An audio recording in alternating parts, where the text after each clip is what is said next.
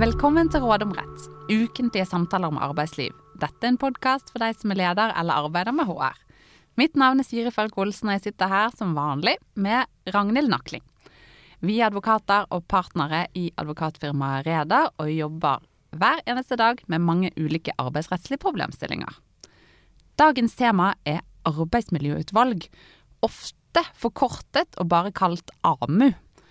Og Ragnhild, du har nettopp begynt som HR-sjef i en virksomhet med rett under 50 ansatte. Du merker at det ikke har vært noen i din rolle før.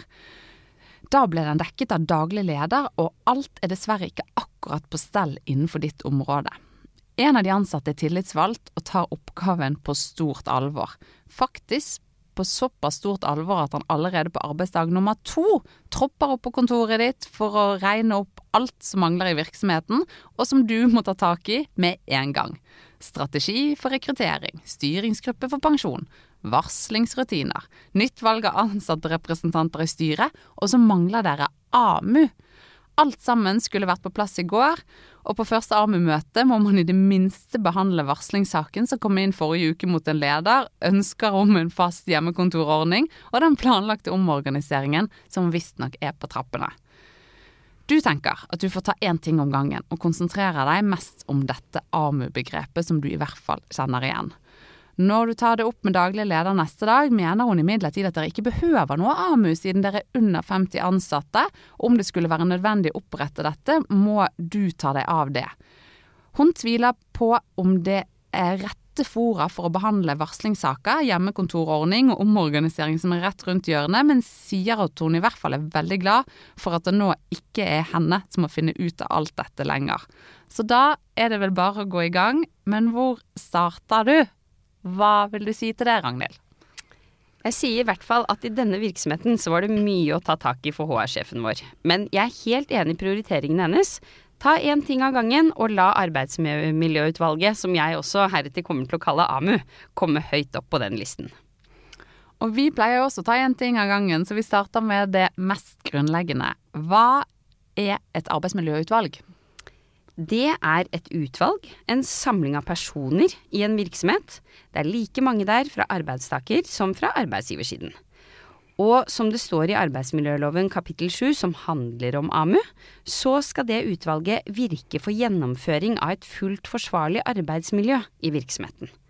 Så arbeidsmiljøutvalget, AMU, det er altså ett av flere virkemidler som lovgiver har etablert for å sikre fullt forsvarlig arbeidsmiljø i alle norske virksomheter. Og så er dette spørsmålet må en virksomhet alltid ha AMU, eller har daglig rett i at denne virksomheten ikke behøver det, siden de er under 50 ansatte? Ja, den daglige lederen vår er jo inne på noe. Hun fusker jo litt i både juss og HR-faget, men så husker hun bare halve svaret, da. Fordi det stemmer at det er kun virksomheter som har minst 50 ansatte, som i utgangspunktet må ha AMU. Men dersom noen krever det, så må man også ha det i virksomheter med mellom 20 og 50 ansatte. Ja, og denne litt ivrige tillitsvalgte må vel kanskje tolkes sånn at det her er et krav fra de ansatte i virksomheten om at AMU skal opprettes. Er du enig i det? Det er jeg. Jeg tror jeg må tolkes på den måten. Og det vil jo være en dårlig start på forholdet, da, om HR-sjefen vår også bare overså denne oppfordringen. I tillegg så er det uansett kanskje ikke så lenge før virksomheten jevnlig har minst 50 ansatte, og da er det like greit å opprette dette organet nå, først som sist. Hvordan gjøres det? Hvordan får man på plass et AMU hvis man aldri har hatt det før? Man må velge representanter. Det står som jeg sa litt om AMU i arbeidsmiljøloven kapittel 7, men mer detaljerte regler, faktisk ganske så detaljerte, bl.a. regelen om valg, det finner man i en forskrift som heter Forskrift om organisering, ledelse og medvirkning. Det stemmer, og den forskriften inneholder jo også regler om verneombud og bedriftshelsetjeneste annet. Og kan jo være litt vanskelig å navigere i, syns jeg, siden den behandler mange temaer. Men reglene om valg av AMU, de står vel i kapittel tre i den forskriften. Gjør det ikke det? Det er helt riktig. Og der står det annet at det skal være minst fire medlemmer av AMU. Det er helst ikke flere enn åtte. Og som jeg nevnte tidligere, så skal det være like mange fra arbeidsgiver- og arbeidstakersiden. Og arbeidsgiver, der trenger man ikke avholde noe valg. De kan rett og slett bare utpeke sine, da, i gåseøyne, representanter. Mens som oftest så er det flertallsvalg for arbeidstakernes representanter. Dvs. Si den som får flest stemmer, blir representant i AMU. Kan hvem som helst utpekes av arbeidsgiver, og hvem som helst stilles til valg for arbeidstakerne? Det er ingen begrensninger eller krav på hvem som kan sitte i AMU? Jo, det er noen begrensninger, skråstrek krav. Det er eh, for det første så skal det alltid være en representant for øverste ledelse i AMU. Og hvis man har hovedverneombud, så skal det alltid være én av representantene fra de ansatte. Og øverste ledelse, de er jo strengt tatt også ansatt, men de kan ikke velges som representanter for arbeidstakersiden i AMU. Ellers er det fritt frem. Du sa at det som oftest er flertallsvalg for arbeidstakerne som gjelder. Når gjelder noe annet når det ikke er flertallsvalg? Det er hvis det er flere lokale fagforeninger som til sammen organiserer et flertall av arbeidstakerne i den aktuelle virksomheten. For da kan de fagforeningene de kan avtale at valget skal skje som forholdstallsvalg, eller at fagforeningene selv utpeker representantene. Ja, og forholdstallsvalg, forklaringen på hva som er forskjellen mellom det og flertallsvalg, det må vi kanskje ta i en annen episode. Men noe jeg syns altså er viktig å få frem i forhold til det du nevner der, det er jo at valg til AMU det er én skriftlig og to hemmelig. Ja, det er riktig og viktig. Og så håper jeg egentlig at det er en annen type podkast som tar for seg forskjellen på flertallsvalg og forholdstallsvalg. Kanskje, hvis ikke får vi komme tilbake til det i en annen episode. Men skriftlig valg, det er jo det er ganske enkelt å få til. Har man en Questback eller en annen elektronisk løsning, så sikrer det jo både skriftlighet, men også at det er hemmelig valg, anonymitet. I tillegg så går det jo veldig raskt. Um, og så syns jeg det er viktig å presisere at alle ansatte har stemmerett, så det er ingen betydning da om man er hel- eller deltidsansatt, om man er fast eller midlertidig ansatt. Men man må utpeke et valgstyre som skal ta seg av valget i praksis, gjøre kandidatene kjent. Og hvis man vil se flere detaljer, så er det altså i denne forskriften med det lange navnet Forskrift om organisering, ledelse og medvirkning som man finner reglene. Så har arbeidsgiver utpekt sine medlemmer av AMU, arbeidstakerne har valgt sine, og da kommer det viktigste spørsmålet. Hva skal egentlig AMU gjøre? Hvordan skal dette utvalget bidra i praksis til å sikre et fullt forsvarlig arbeidsmiljø? Ja, AMU har faktisk en god del oppgaver, eller det er i hvert fall mange temaer da, som skal behandles av AMU. Men før vi går inn på dem, så tenker jeg det er verdt å minne om at de som er medlemmer av AMU, de har faktisk krav på nødvendig opplæring. Opplæring i hvordan verne- og miljøarbeid skal drives. I utgangspunktet så står det i forskriften jeg nevnte at den skal være på hele 40 timer, altså en hel arbeidsuke. Men man kan også avtale en kortere opplæringstid enn det. Og gjør mange virksomheter det i praksis? Ja, min erfaring er at det er en god del som avtaler en kortere opplæringstid. Det er partene i fellesskap som må komme fram til at det er forsvarlig. Men jeg har i hvert fall hørt fra mange klienter at de har god erfaring med f.eks. todagerskurs innenfor disse temaene, som er godt lagt opp, er innom alle relevante temaer. De kursene kan jo både være fysiske og digitale. Og at de som blir nye medlemmer av AMU da også føler seg godt rustet til rollen som de nå skal fylle. Og her er det vel kanskje viktig å peke på at det kan være ganske stor forskjell på om vi snakker om AMU i en byggevirksomhet med mange hundre ansatte, hvor kanskje det med HMS-spørsmål av ulike slag oppstår hele tiden, og en kontorvirksomhet med litt over 20 ansatte, og hvor den største fysiske faren på arbeidsplassen det er muskel- og skjelettsmerter fordi man sitter for mye. Er ikke du enig i det, at det vil være en forskjell på, på den type virksomheter? Jo, helt enig. Det er, det er viktig å, å, presisere. Og samtidig så tenker jeg at det er viktig å trekke fram det med at kravet til et fullt forsvarlig arbeidsmiljø også omfatter psykososiale arbeidsforhold, som kan være krevende også i kontormiljøer. Absolutt. Det er det vel mange som særlig har erfart under koronapandemien. Men hvis vi da går tilbake til AMUs oppgaver, hva skal gjøres, når skal det gjøres, og hvordan skal det gjøres? Som jeg var inne på i stad, så har AMU mange lovpålagte oppgaver. Og de er så mange at jeg tror ikke jeg lister opp alle sammen, men de står i 7.2 i arbeidsmiljøloven og 2.3 i forskriften som jeg nevnte. Men det er jo viktig å trekke fram noen av de viktigste oppgavene, og jeg tenker vel som så at Det at AMU skal behandle planer om rasjonalisering eller arbeidsprosesser, det at de skal behandle helse- og velferdsmessige spørsmål knyttet til arbeidstidsordninger, altså turnus, skift, arbeidstid, overtidsspørsmål, i tillegg til etablering og vedlikehold av HMS-arbeid i virksomheten, det er i hvert fall tre forhold som AMU må vite at dette er våre oppgaver å behandle.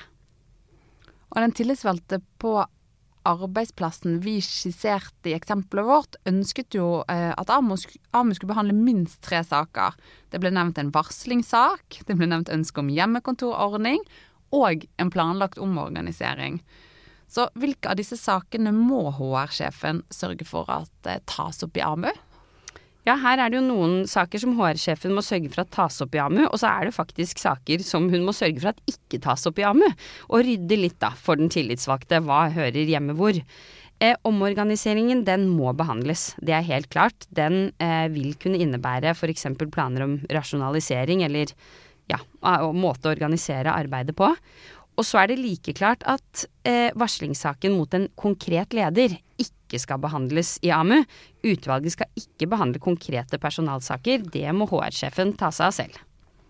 Og så mm, hva med ønsket om hjemmekontorordning, som jo er ganske i vinden om dagen. Må dette behandles i AMU? Det kommer an på. Altså, det kommer an på hva ledelsen og HR-sjefen har tenkt til å gjøre med dette spørsmålet. Har de tenkt å etablere noen ordning? For det er jo ikke sikkert at det fins noen spesielle planer. At det bare er de ansatte som har noen ønsker. Og da er det i hvert fall ikke sånn at det er lovpålagt for AMU å behandle planer som ikke fins. Eh, men samtidig så kan jo AMU ta opp spørsmålet på eget initiativ. Så der vil man egentlig kunne si til den tillitsvalgte at dette er ikke noe vi må behandle, for vi har ikke noen planer. Men så kan AMU sine arbeidstakerrepresentanter ta det opp om de ønsker. Og da har vi hørt en del om hva AMU faktisk er, hvordan AMU velges, og litt om AMUs oppgaver.